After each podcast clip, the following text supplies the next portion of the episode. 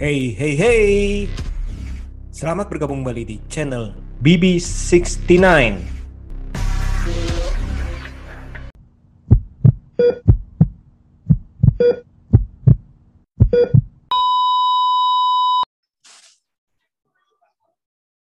Halo, halo, halo, dan halo. Selamat pagi, siang, sore, dan malam. Apa kabar kalian semua nih? Nah, kemarin nih, belum lama ini, kurang lebih 22 hari plus ini, ada sebuah film horor yang cukup menggemparkan ya. Judulnya adalah Kodrat. Nah, pada hari ini kita akan berbincang-bincang bersama sang sutradara, tapi saya nggak sendirian ya. Saya sudah ditemani oleh Mbak Ami. Apa kabar Mbak Ami? Halo semuanya, baik Alhamdulillah. Baik ya semuanya ya, Mas baik ya. Sehat-sehat. Nah, kita nih mau ngobrol-ngobrol nih dengan sang sutradara dari uh, film Kodrat. Siapa lagi kalau bukan Mas Charles Gozali. Apa kabar Mas Charles? Selamat apa ini? Selamat siang apa selamat selamat sore ya? Sore, Selamat ini sore kayak. Sekarang sore menjelang siang. Eh, siang menjelang sore, maaf. Ya. Sebelumnya nih selamat nih untuk 1,6 juta plus-plus ya kalau nggak salah ya kemarin ya. Ya. Nah, nah, itu udah suatu pencapaian yang sangat bisa bilang itu fenomenal sih karena dalam 22 hari penayangan itu sudah 1,609.344. Nah, sekarang udah plus-plus tuh pastinya. Iya, terima kasih banyak buat semuanya yang sudah nonton. Mas Charles mau nanya nih Mas. Ya. Kira-kira eh, apakah sebelum ini udah menduga belum bahwa film ini akan menggapai jumlah penonton seperti ini? Berharap dan berdoa, tetapi eh, eh, ya apa yang ada sekarang memang sesuatu yang luar biasa ya. Karena buat saya pribadi sendiri kan angka penonton ini eh, belum pernah saya capai sebelumnya. Jadi eh, sesuatu yang sangat luar biasa, terutama karena bukan hanya dari jumlah angka, tapi dari respon yang sangat-sangat membesarkan hati dari para eh, penonton Indonesia yang sudah menonton Kodrat. Dengan beragam komentarnya tentunya ada yang bilang serem, ada yang bilang tegang, ada yang bilang seru, ada yang bilang bahkan justru malah menangis gitu saat menonton Kodrat eh, karena tersentuh oleh konten eh, keagamaannya. Jadi sesuatu yang nggak nggak terbayang terus terang sebelumnya dan sangat eh, ini ya membesarkan hati, sangat eh, humbling banget lah pokoknya kami semua dari cast dan kru film Kodrat buat semua yang sudah menonton film Kodrat. Luar biasa, terima kasih. Mantep, mantep ya Mbak Mi ya. Iya loh, saya aja nonton berkali-kali tuh rasanya apa ya? Kayak yang apa ya kayak kayak ditampar gitu loh maksudnya ya saya muslim tapi kayak yang ya ampun kok gue masih kayak gitu ya gitu loh mas Sudah berapa kali nonton? Eh, tiga apa empat atau lima saya lupa deh soalnya kan sering ngobar jadi sering ikut nonton juga jadi Kalau lima kali dapat poster dengan tanda tangan Vino dan Marsha loh. Belum belum dikirim oh tuh. iya oh iya belum Soalnya Iya. tiketnya nggak, tiketnya nggak ini, tiketnya nggak dikumpulin ya. iya tiketnya nggak dikumpulin soalnya kan nonton sama teman-teman semua gitu. Nah, Mas kira-kira apa ya yang bikin apa ya bikin penonton tuh suka atau apa ya mencintai film ini sampai mereka mau nonton tuh eh, kalau menurut Mas Charles sendiri apa ya selain kontennya selain filmnya gitu. Em, mungkin ya, karena kan tentu yang bisa mengatakan itu adalah orang-orang yang memang datang dan nonton berkali-kali. Tapi eh, kalau dari melihat apa yang kami baca atau kami dengar, salah satunya kalau disimpulkan mungkin eh, menurut saya kedekatan konten bahwa banyak orang yang eh, kan gini ya sebetulnya kodrat ini kan IP baru. Biasanya Hmm. IP baru itu perlu dijelaskan perlu eh, kayak semacam world building baru atau perlu pengenalan baru. Ini begitu bicara Ustadz Rukiah lalu bicara keadaan Rukiah kerasukan itu udah nggak perlu dijelaskan karena masyarakat Indonesia eh, dan banyak juga di negara-negara lain termasuk kayak Malaysia yang sebetulnya akan tayang itu udah sangat eh, ini eh, punya kedekatan yang yang sangat luar biasa sehingga eh, relate dengan relate dengan apa yang mungkin menjadi ketakutan, perasaan karakter-karakter yang kemudian ada di dalam cerita. Saya rasa itu salah satu uh, poin yang bisa membuat orang kemudian uh, merasakan begitu banyak emosi dan pengalaman menonton sehingga bisa nonton lebih dari sekali. Iya, karena kan kalau dilihat dari film ini kan bukan hanya horor aja, bukan hanya aksi aja, tapi kan mengenai apa dramanya juga ada nih, mengenai drama mengenai hubungan orang tua dengan anak, terus habis ya. itu uh, dengan saudara segala macam nih. Ini ada nih, bahkan tetangga antara yang utang dan diutangin juga ada ya. Betul. Bahkan Iya, itu. bahkan antara yang di atas dengan Betul. yang Betul. di bawah. Antara bawah dengan uh, makhluk ciptaannya kita manusia. Betul betul betul. Ini menarik menarik nih. Nah, terus uh, selain itu kan kita bisa lihat ini tadi saya sempat saya ngomong juga bahwa ini kan um, banyak sekali nih unsur-unsurnya nih. Nah, boleh nanya ya, kenapa di film ini tidak mau mengambil formula film horor pada umumnya nih? Biasanya kan kalau film horor pada umumnya kan fokusnya kan ke sosok tanda kutip hantunya itu ada selalu menjual apa uh, jump scare-nya yang serem-serem. Kenapa kok kayak kok di kodrat ini justru uh, fokusnya ke sosok uh, sang ustadznya ini bukan uh, sang hantunya bukan uh, main filmnya uh, saya rasa salah satu alasannya adalah karena kami di Magma dan terutama penulis kami uh, dan Mas Asaf Antariksa percaya bahwa sebuah film itu adalah tentang storytelling sehingga Eh, penceritaan itu penting, perlu punya konflik dan perlu punya uh, journey bagi karakter-karakter utama di dalam filmnya. Yang kedua, karena memang kalau dari saya sendiri, mungkin kami di Magma itu sadar kami bukan uh, pemain yang sudah punya track record kuat di genre horor, sehingga untuk pada saat kita masuk ke uh, genre yang buat kami mungkin Eh, masih terbilang cukup baru, eh, kita perlu membawa sesuatu yang beda, satu keunikan atau keunggulan, sehingga penonton kemudian mau uh, menoleh dan menengok ke arah kami dan menonton filmnya. Karena secara brand kami belum belum terkenal dengan membuat genre horor dan uh, Kodrat adalah IP baru, sehingga apa yang ditawarkan itu memang perlu punya keunikan dan keunggulan dan sesuatu yang baru itu kan akan punya nilai uh, daya tarik ya bagi penonton. Saya rasa itu.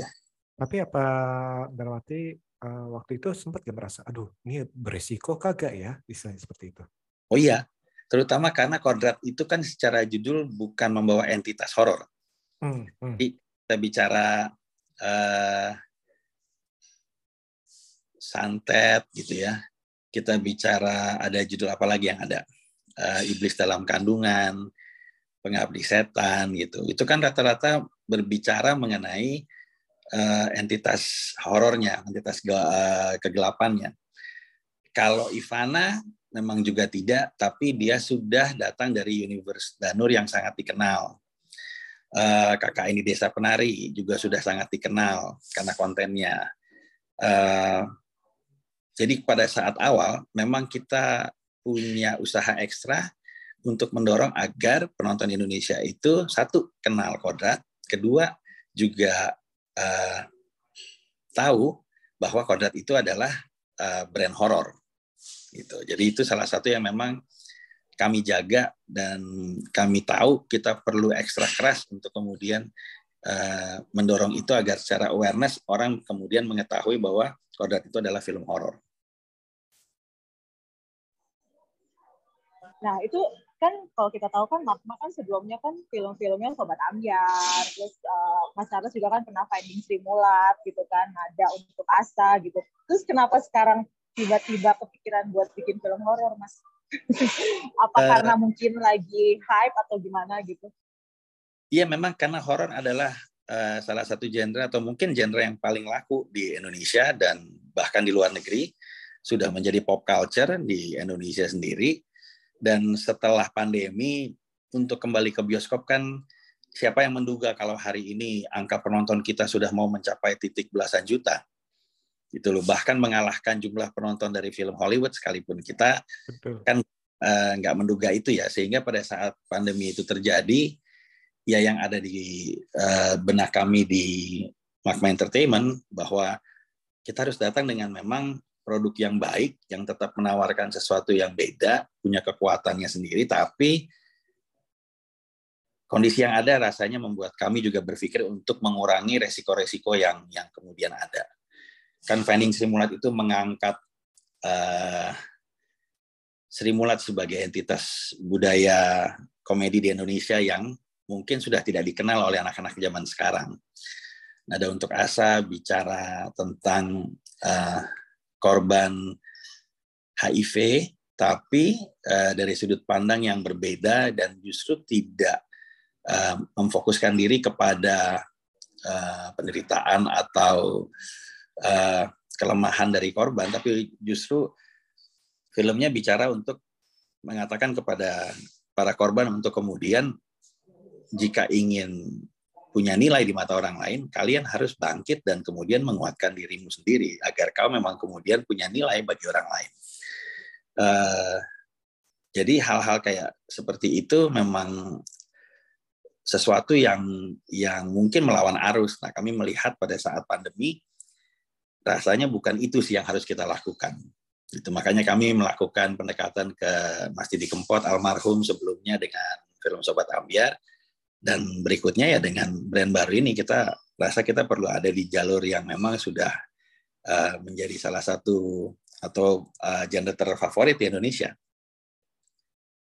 Nah, ini salah satu yang mengejutkan juga gini nih, uh, kan Mas Charles kan misalnya tanda kutip banting setir nih dari Fandi Sirungula dan lain-lain, uh, ada untuk Asa. Nah, uh, yang kita takjub, ini pasti bukan hanya saya yang saya takjub ya, tapi uh, semua orang yang nonton ini takjub adalah CGI-nya. Nah, itu kan waduh, dalam arti uh, gini, Uh, kalau kalau saya nih, kalau saya pribadi, misalnya kalau mau mencoba genre baru, pasti kan main aman. Dalam arti main aman, dalam arti yang nggak usah macam-macam CGI-nya lah kita bilang lah. Tapi ini kok begitu wadaw lah kayaknya. Nah boleh cerita nggak mas uh, keputusan untuk uh, maksimal dalam arti uh, dalam arti kalau mau nyebur nyebur sekalian deh istilahnya kalau menurut saya sih ya itu uh, gimana boleh cerita nggak dalam arti uh, keputusan untuk uh, memakai CGI yang begitu luar biasa? Uh, kita memang uh, saya sangat beruntung karena punya banyak teman yang mendorong kami di Magma untuk terus mencoba dan belajar melakukan yang sesuatu yang lebih baik daripada apa yang sudah kami lakukan sebelumnya. Teman-teman kayak Teguh Raharjo dari editing, uh, lalu kemudian Hani Pradijya, gitu ya. Om Frans Paat juga kemudian mendorong kita untuk mencari lokasi yang belum pernah dilihat orang sebelumnya sehingga world building dari Kodrat itu sangat punya apa ya look yang berbeda unik dan kemudian punya uh, sentuhan yang menghadirkan uh, unsur nuansa mistis yang magis gitu loh. Itu kita tuh didorong gitu. Karena kalau uh, secara produksi memang mungkin kita akan memilih yang lebih lebih lebih praktis lebih aman gitu ya. Tapi memang dengan oleh teman-teman kami ini kita terus didorong untuk coba kita masih bisa melakukan yang lebih baik yuk push it to the max gitu. Jadi teman-teman penulis uh, di Kodrat ya dan Asaf Antariksa juga memang kemudian merasa ya, termasuk Vino Gebastian juga merasa bahwa tampilan Aswala itu jangan cuma dibuat seperti misalnya berupa bayangan atau uh, kelebatan warna hitam gitu. Tapi kemudian uh, dia tidak harus kemudian mengobral dirinya dan keluar dengan apa ya di mana-mana gitu loh. Tapi momen-momen dia muncul harus penting lalu kemudian memang kemudian ada sosok atau image yang diperlihatkan ke penonton yang memang kemudian bikin penontonnya tuh wah. Seperti action yang ada di dalam film Kodrat kan juga nggak bisa dibilang banyak. Tapi memang kami coba untuk buat sebaik mungkin gitu sehingga nggak banyak tapi impactnya besar sehingga dia meninggalkan kesan yang baik gitu buat buat penontonnya. Nah eh, hal-hal ini kemudian kan uh, memang didorong dari teman-teman tadi dan uh, Gaga Nugraha dan timnya yang menghandle CGI di film Kodrat uh, juga berusaha keras untuk memberikan yang terbaik.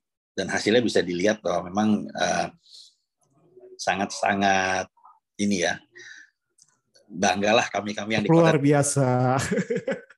Teman dari uh, timnya Gagan Graha dan ini adalah sebuah yang, yang baik karena kalau kita nggak mencoba melakukan itu mencoba uh, mempush segala sesuatunya secara maksimal begitu kalau kita bikinnya sesuatu yang biasa lalu kita main nih di 2022 sekarang. Coba lihat apa yang dilakukan KKN secara kualitas produksi atau pengabdi setan dua dengan uh, ini ya thrill ride-nya gitu loh dengan dengan uh, kamera work-nya yang sangat liar gitu. Banyak sekali yang kemudian uh, film-film ini datang dengan pendekatan produksi yang sudah sangat baik. Kalau kita nggak kemarin push ya kita akan jadi biasa atau bahkan ketinggalan. Gitu. Jadi terima kasih teman-teman semua yang sudah mendukung kami. Iya iya. Keren keren. Di timnya benar-benar uh, solid. Luar biasa semuanya. Semua dari tim uh, produksinya itu sangat-sangat keren lah. Bahkan uh, post production juga keren banget. Nah uh, kalau bicara soal CGI lagi uh, kira-kira tantangan terberatnya apa nih kalau boleh tahu nih? Uh, itu creature-nya. Creature-nya itu karena memang dibuat 3D. Jadi pas syuting kita ada bawa anjing yang memang secara ukuran memang besar, bentuknya juga menyerupai apa yang kami mau buat.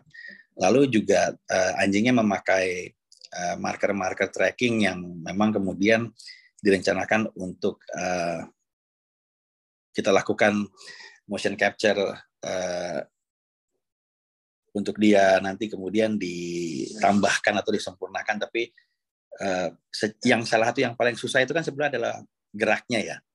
Geraknya lalu bobotnya itu kemudian mesti real sehingga dia tidak terasa ringan melayang dan jadinya nggak real gitu. Lalu gerakannya kemudian elemen kecil detailnya seperti bulunya gitu liurnya pergerakan mata sinar bola matanya itu semua kan detail tuh. Nah eh, kita sudah bawa anjingnya bahkan tidak satu kita uh, pakein tanda marker kita shoot. Tapi memang begitu uh, ini dilakukan penggabungan karena waktu lagi anjingnya itu yang di gudang yang nyerang Marsha itu ada manusia dengan baju hijau yang kemudian diserang yang kemudian kita gantikan dengan posisinya Marsha uh, tapi memang rasanya kemudian secara ini blendingnya nggak nggak nggak nggak sempurna sehingga akhirnya Gaga dan timnya bilang kita bikin ini yang lebih baik. Jadi akhirnya mereka bikin ulang dan pakai 3D modeling. Eh, Chris Lee dari Caravan Studio kemudian mencari bentukannya, desainnya secara detail, lalu dibuat oleh timnya Gaga dan hasil yang ada sekarang itu melewati proses yang cukup berulang kali, cukup panjang, uh, tapi hasilnya cukup baik ya, bisa dilihat dan dan itu ya effort dari dari dari kebersamaan banyak departemen, tapi yang lead di CGI memang timnya Gagan Graha dan Hani Pradigya mungkin untuk blending karena eh, CGI itu harus blending dengan gambar yang di shoot itu lightingnya apanya itu harus harus jadi satu. Jadi ya ini perkawinan ya karena kalau begitu kerjasamanya nggak nggak nggak blending nggak nggak marriage akan terlihat terpisah nanti tuh animasinya nggak bisa masuk Nah itu pas alah anjing itu kenapa anjing mas yang dipilih ya? Maksudnya uh, kemarin sempat nanya sih soal anjing gitu kan. Cuman saya pengen tahu aja kenapa yang dipilih anjing dan mungkin kita sempat lihat waktu itu ada ular juga kan yang pas nyebrang apa sih bus mobil itu ada ular juga itu ada kaitannya nggak antara anjing ular? Iya kan jadi uh, pada saat ular itu penggambarannya pada saat masuk ke desa dan kalau uh, diperhatikan detailnya, pada saat ditanya oleh Kodrat saat pertama merukiah uh, Alif uh, Amri, kan ditanya dan uh, entitas goib kegelapannya itu kan menjawab lewat Alif kan dengan mengatakan bahwa namanya adalah Kodam. Lalu uh, dia itu uh, pengikut aliran gelap apa gitu loh. Jadi yang pertama merasuki Alif itu bukannya Aswala. Aswala datang pada saat kemudian Kodrat Eh, kembali ke desa itu dan melakukan rukiah. Kan jadi pada saat terjadi rukiah itu kan mungkin uh, ini ya ada pertempuran uh, kekuatan baik dan jahat yang memang kemudian kalau dibayangkan misalnya uh, secara benturan dua kekuatan besar itu akan ada energi yang kemudian bisa dirasakan dan karena itu Aswala kemudian datang dan menghadang kodrat di tepi jurang.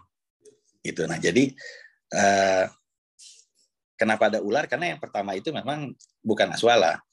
Nah, pilihan kenapa uh, nama aswala itu dicari oleh uh, penulis kami berdasarkan riset lewat buku rukiah yang mereka pelajari juga dengan diskusi dan uh, datang dan kemudian uh, apa ya bertanya, minta pengawasan dan dan uh, mencari tahu lewat beberapa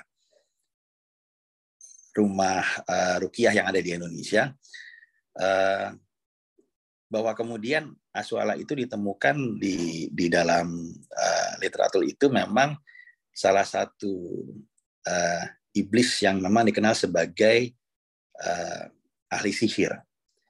Nah, itu jadi ada bukan dikarang namanya. Lalu bentuknya kenapa anjing? Karena uh, lagi-lagi berdasarkan apa yang saya tahu lewat yang uh, dipelajari oleh tim penulis di dalam Islam itu biasanya iblis itu dalam penjelmaan di uh, jika mewujud ke binatang biasanya yang ditemukan atau dipercaya itu ada dua ular dan anjing. Gitu. Jadi karena itu uh, yang namanya swala jadi kita uh, rasa itu lebih dekat sehingga wujudnya itu kemudian kita ambil yang anjing dan yang ular kita pakai untuk yang sebelumnya. Gitu. Jadi itu semua berdasarkan ini kok research, uh, diskusi, bertanya dan dan melakukan uh, uh, apa ya uh, pencarian data yang yang yang cukup uh, bertahap ya. Iya, iya. sih percaya sih soalnya yang pas anjing aja itu kan pas yang uh, ngejilat Marsha itu kan eh emang ngejilat sorry ngejilat Kodrat kan langsung pakai tanah gitu kan. Itu maksudnya buat aku sih itu detailsnya lumayan keren sih. Maksudnya situnya diperhatikan sih ketika si anjingnya itu ngejilat Kodrat terus Kodratnya ngambil tanah nge itu itu mukanya itu sih. Aku soalnya waktu itu nontonnya sama Mas Tiawan terus aku bilang sama Mas Tiawan oh iya iya benar-benar ini benar ini benar gitu sih. Keren sih bahkan harus karena sedang dalam uh, suasana merukia dan pertempuran selain tanah harus air tujuh kali. Hmm, iya betul. Memang itu juga berdasarkan kaidah-kaidah yang ada. Iya, ya, itu, gitu. itu bentuk inilah usaha dari uh, kami dan tim penulis terutama untuk menjaga elemen-elemen uh, yang ada agar uh, tidak salah dan bisa dipertanggungjawabkan setuju sih detailsnya oke banget ya Mas Tiawan ya. Sepanjang film tuh saya sampai yang Mas Tiawan tuh oh ya ini oke nih oke nih. Gitu. iya iya. Kalau gitu nih uh, penulis naskahnya pastinya ini nggak main-main lah kita ngomongnya. Nah, pasti ini dengan tadi yang tadi Mas Gozali bilang kan apa uh, dengan apa dengan riset yang tidak main-main juga dan dengan yeah. riset yang benar dan ak akhirnya itu para penonton pun akhirnya kalau saya lihat di media sosial itu kan banyak sekali responnya oh iya nih oh ya gini oh ya gitu oh ya nih benar nih oh ya nih dan itu uh, itu hasil dari para tim ya ya Mas ya seperti itu. Nah ini yang salah satu yang saya lihat ini adalah uh, produksi preproduksi kali ya. Saya yang pembuatan setting desanya nih. Ini ini cukup menarik nih Mas. Ini dalam arti wow, ternyata ini benar-benar satu desa di benar-benar di, dibangun nih. Boleh cerita gak nih untuk pembangunan setting desa tersebut? Jadi itu di uh, daerah Gunung Kidul, uh, nggak jauh dari Bukit Pengilon, tapi untuk desanya itu uh, sempat mem, menim, mempertimbangkan lokasi di Bukit Pengilon karena di sana tuh ada curug kecil gitu yang sangat bagus tuh. Uh, tapi memang problemnya karena itu jurang ya. Uh, ada action, ada apa di sana gitu dan pada saat gelap itu di Pengilon itu memang nggak ada lampu sama sekali. Jadi begitu dia gelap itu kita jarak kurang dari seperempat meter di samping kita nggak lihat itu ada orang atau apa karena gelapnya betul-betul pekat. Um, jadi rasanya untuk keamanan dan keselamatan itu tidak terlalu uh, baik sehingga akhirnya kita pilih di Gunung Kidul di daerah dekat Bukit Pengilan tapi uh, lokasi yang dipilih oleh Om Frans itu adalah sebuah apa ya cekungan di balik bukit uh, yang memang tempatnya tuh kayak kayak kayak nampung gitu loh ya kayak setengah lingkaran melengkung besar gitu di belakang bukit uh, yang tinggi yang besar uh, awalnya itu ada sebuah uh, perkebunan singkong yang kemudian daerah uh, luas tanahnya itu disewa. Lalu singkongnya dibeli, eh, direbus sama digoreng kita makan. Tapi mereka kemudian eh, mencabut sisa pohonnya, lalu dibangunlah set pesantren itu. Ada lima bangunan rumah yang cukup besar di situ dan eh, ditanami kemudian di bagian perkebunan ditanami, ditanami tanaman-tanaman jagung tapi yang layu. Jadi untuk menambah kesan memang bahwa di desa itu bermasalah dan kehidupan itu seakan tidak ada. Nah, pada saat akhir film, di mana uh, suasana sudah lebih cerah, detail dari grading juga kita berikan sentuhan yang berbeda. Nah, terlihat kemudian di daerah perkebunannya, tanaman jagungnya sekarang subur, banyak warna kuningnya gitu, sehingga dia terasa terang, bersinar. Nah, itu ya tanaman jagung yang layu tadi dicabut semuanya satu-satu, lalu ditanam lagi, ditanam ulang pakai tanaman jagung yang memang uh, kuning. Jadi, banyak sekali hal yang dilakukan oleh tim artnya Frans Paat yang memang juga luar biasa. Uh, bahkan pada saat lagi syuting di menjelang hari akhir, final battle yang terakhir itu waktu dimulai dari adegan Marsha uh, ngubur, itu kita harus berhenti karena uh, COVID Delta memang lagi tinggi dan Jogja bahkan sampai ke Gunung Kidul itu angka tertinggi di Indonesia pada saat itu. Jadi memang ditutup dan kita nggak bisa kerja, berhenti, sehingga akhirnya uh, harus pulang. Nah lalu uh, set gudang itu uh, bahan-bahannya dari dari dari kayunya, uh, dinding ininya, apa uh, bangunan gudangnya, pintunya itu di dicopot, dipindahin sama timnya Om Frans, dibawa pakai empat truk ke uh, daerah Cisarua sekitar dua setengah sampai menjelang tiga bulan kemudian dari saat kita berhenti, lalu dibangunlah set baru di situ. Dan gudangnya baru dilanjutkan syuting yang final battle itu di Cisarua sekitar dua setengah sampai tiga bulan kemudian selama lima hari. Tapi kan kita kalau nonton nggak ngelihat pembeda perbedaan sama sekali, nyambung dia jadi satu. Iya keren. Iya, jadi ada dua tempat sebenarnya ya, nggak hanya berasa. di Ya. Ternyata ada dua tempat ya. Ya. Itu total berapa uh, kalau boleh tahu nih total uh, untuk uh, produksinya berapa hari itu syuting kalau boleh tahu? Kita uh, akhirnya ada di 22 hari dari 19 hari pertama itu kena hujan tiga hari, jadi uh, penggantian tiga hari karena hujan. 22 hari terakhir final battle itu setelah mau selesai kami masih rasa belum belum maksimal jadi tambah satu hari jadi total 23 hari syuting.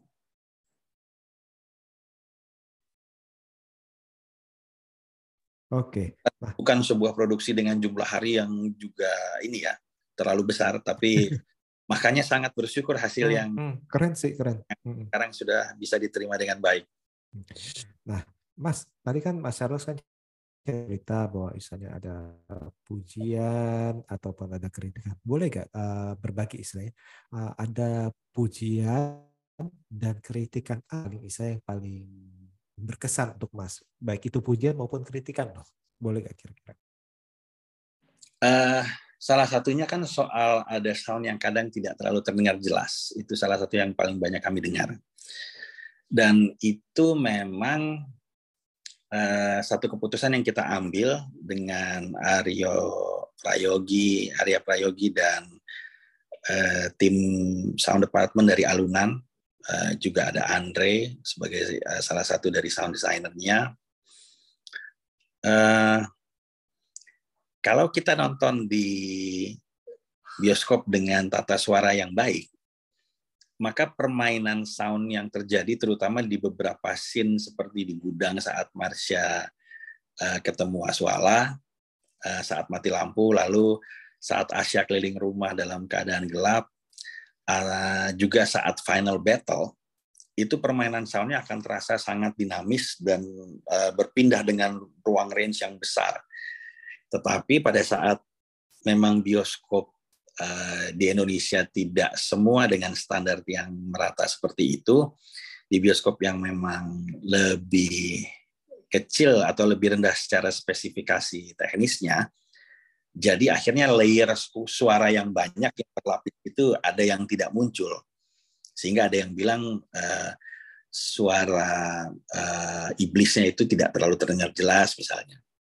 Ya hal-hal seperti itu akhirnya memang kami ambil salah satunya karena memang uh, berusaha mengejar saat ketemu bioskop dengan spesifikasi teknis yang baik, uh, experience penontonnya bisa uh, ini lebih lebih maksimal dan luar biasa.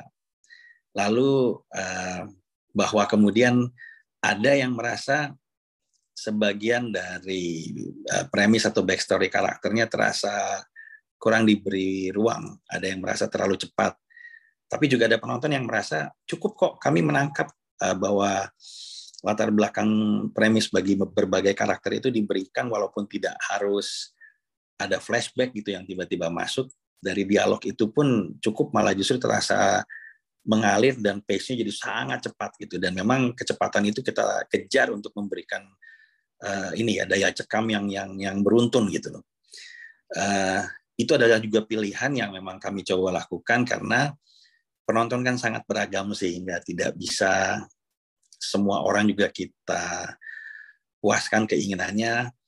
Uh, mungkin ke depan kami juga bisa belajar untuk lebih uh, tepat ya memberikan informasi agar walaupun pacingnya cepat, tapi bagi yang merasa memang perlu mendapatkan detail lebih juga tidak merasa kekurangan. Itu beberapa hal yang saya dengar dari eh, atau saya baca dari review. Kalau review yang positif, uh, banyak ya bahwa kemudian ada yang nonton aja dan merasa senang terhibur itu udah satu hal yang sangat membesarkan hati, sangat uh, menyenangkan melihat film ditonton. Tapi pada saat kemudian memang ada orang yang uh, mengatakan bahwa ini adalah Kodrat adalah sebuah film dengan brand IP baru, menghadirkan sesuatu yang baru, uh, mengangkat uh, sosok Ustadz Rukiah yang mungkin selama ini tidak diberi ruang untuk kemudian hadir sebagai sosok utama atau bahkan quote unquote pahlawannya gitu. Kali ini uh, ini hadir dan terasa uh, sangat berkesan dan bahkan banyak yang tersentuh dengan uh, bagaimana hadirnya ayat-ayat yang dibawakan oleh Vino dengan sangat baik, uh, mendapatkan banyak apa ya uh, pencerahankah itu atau ada yang ada yang menyebutkannya merasa tertampar bahkan bukan cuma oleh kalimat atau ayat yang dibacakan Vino tapi oleh makian yang diucapkan atau diungkapkan oleh iblisnya itu bisa membuat orang kemudian mengingat gitu dan kemudian merefleksikan diri. Itu sangat berarti karena berarti filmnya bukan hanya menjadi tontonan tapi bahkan bisa memberikan tuntunan. Itu itu itu humbling banget sih karena terus terang kami sebetulnya tidak tidak merasa atau tidak juga menyangka bahwa akan sampai sejauh ini. Dan itu akan jadi satu challenge, tantangan yang harus bisa kami atasi di uh, langkah berikut kami untuk kodrat. Itulah karena sesuatu yang baik harus bisa dijaga ya.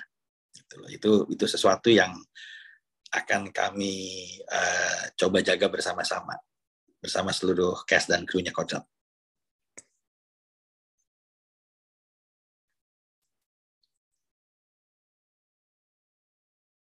Oke, sorry.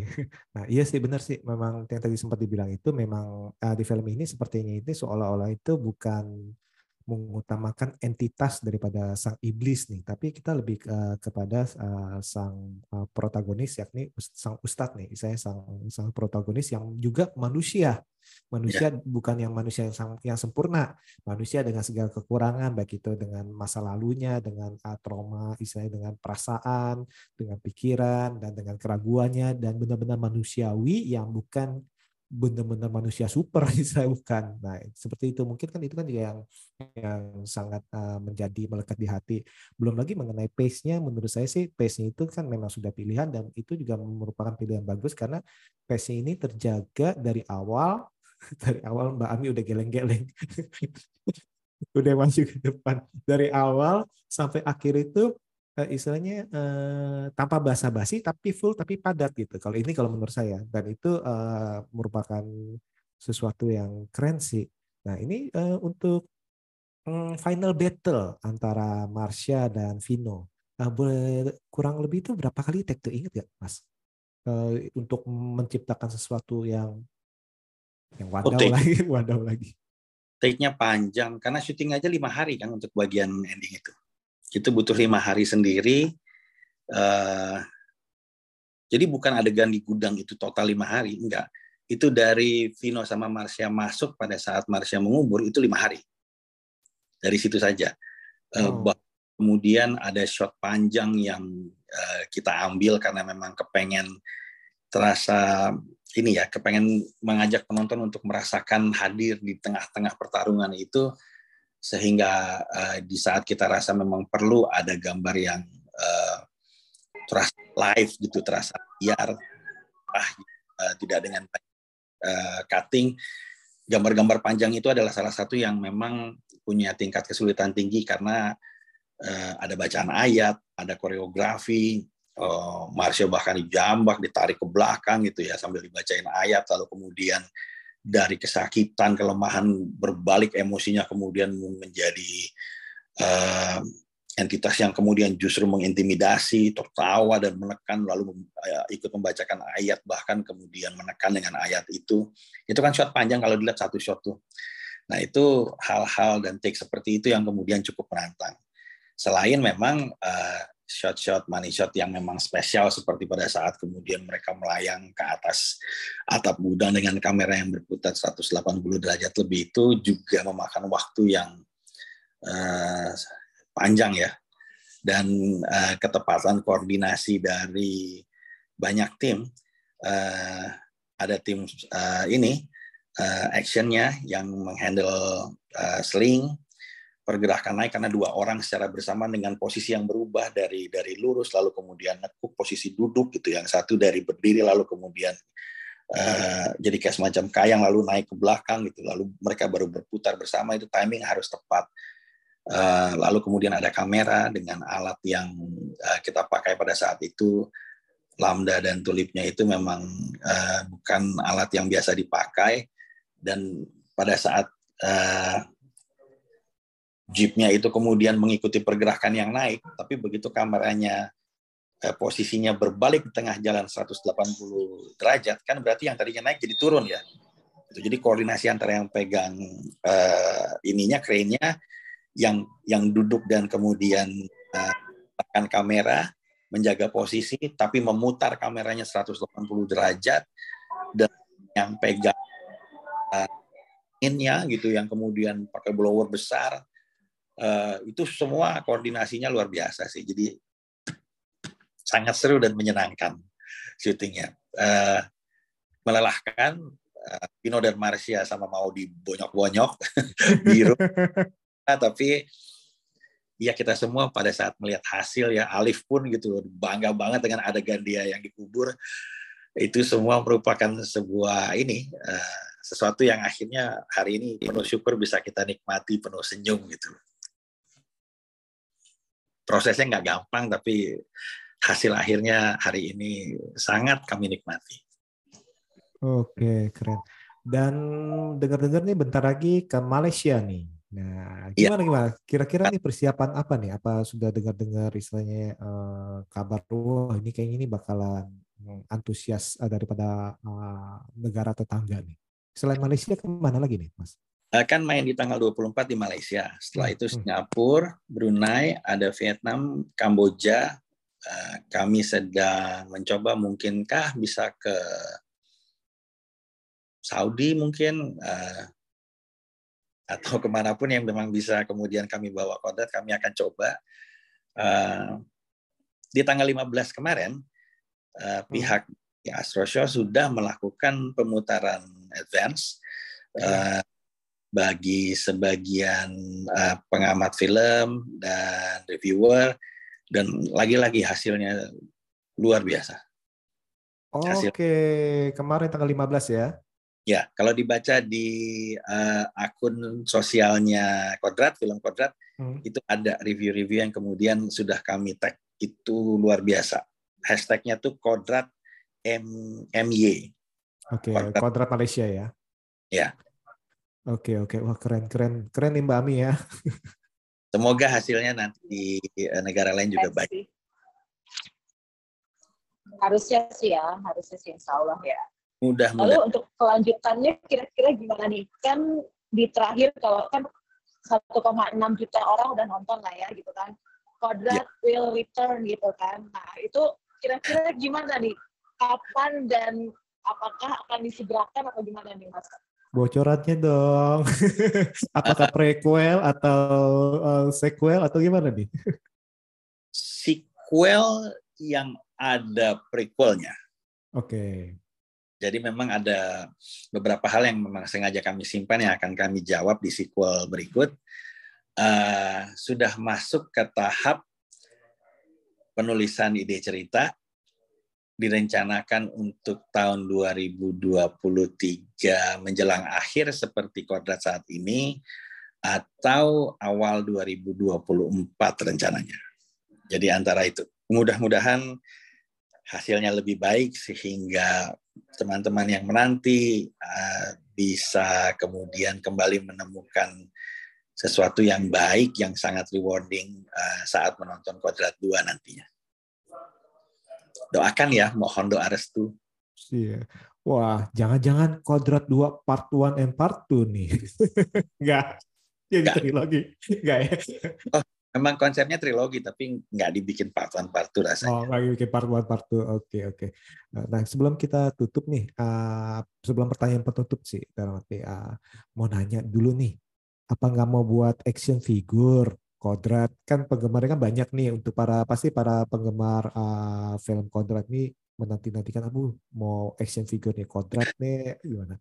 dengan segala senang hati kalau misalnya ada company atau pembuat action figure ya, yang saya mau, saya mau, saya kan, mau.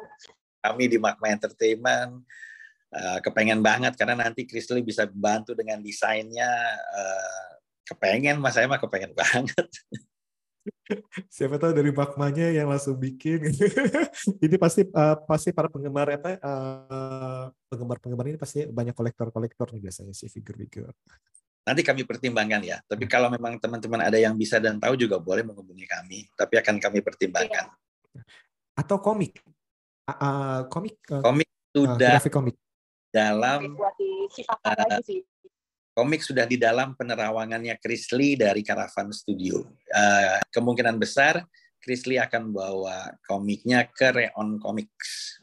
Oke, ke Reon Comics ya. Oke, ya, tapi memang lagi ini Uh, salah satunya yang memang sangat diperhatikan Krisli adalah menemukan uh, penggambar komik yang punya sentuhan agar komiknya tidak ter, tidak jadi atau punya flavor seperti komik manga atau komik-komik uh, superhero Amerika gitu. Jadi kepengen uh, punya taste yang memang Indonesia, uh, walaupun juga bukan berarti harus seperti komik jadul ya, tapi sentuhan dari gambarnya itu terutama sangat penting sih sehingga uh, itu salah satu hal yang memang sangat dijaga dan lagi dipertimbangkan Chris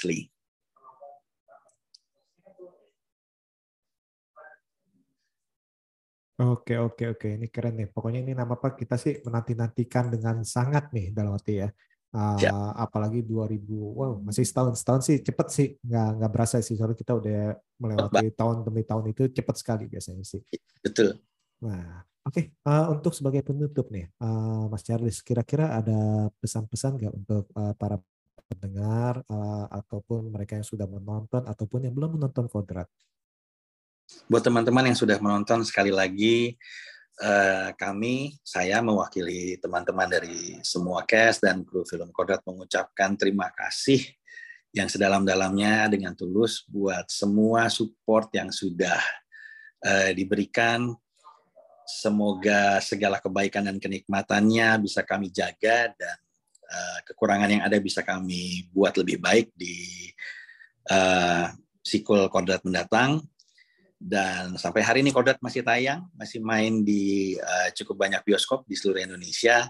Jadi bagi yang mau menonton, uh, masih bisa ke bioskop, masih bisa rukiah bareng Ustadz Kodrat di bioskop.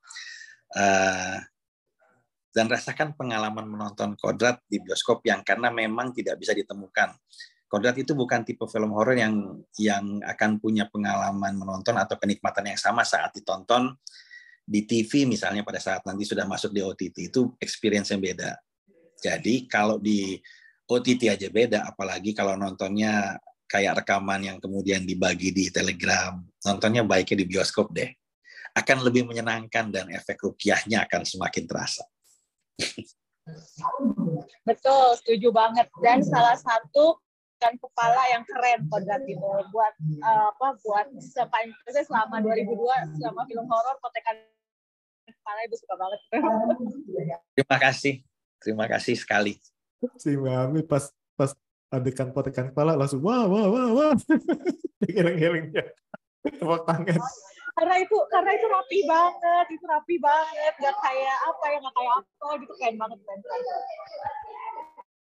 Terima kasih banget. Nanti kita janjian uh, berhubungan lewat Dokdan atau ke kami juga boleh. Uh, posternya nanti dikirimin. Wah, asik, keren nih. Dapat nih Mami. Saya juga mau dong. Siap.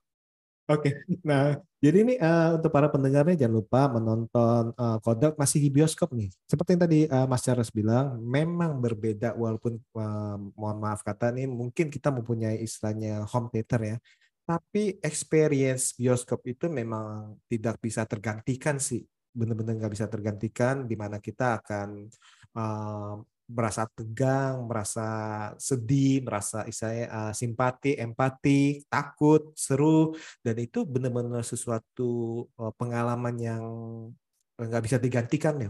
Walaupun itu mau nonton di OTT, walaupun kalian mempunyai istilahnya uh, home theater ya, saya bilang ya. Tapi uh, dari dulu saya menurut saya sih bioskop adalah bioskop, itu nggak bisa digantikan. Betul. Jadi jangan lupa tuh nonton di bioskop ya. Yang pastinya juga jangan nonton yang tadi itu di link-link itu tadi Mas Charles bilang. Ya. Oke. Jangan. Oke, sekali lagi terima kasih nih untuk para pendengar yang sudah mendengarkan pembicaraan kami dan terutama untuk uh, Mas Charles dan tim nih. Saya benar-benar kita ini benar-benar uh, berdoa dan berharap supaya sukses untuk uh, di mancanegaranya dan kita benar-benar berharap untuk um, dan menanti-nantikan untuk sequelnya yang pasti nih pasti akan lebih fenomenal nih. Kita benar-benar berharap nih.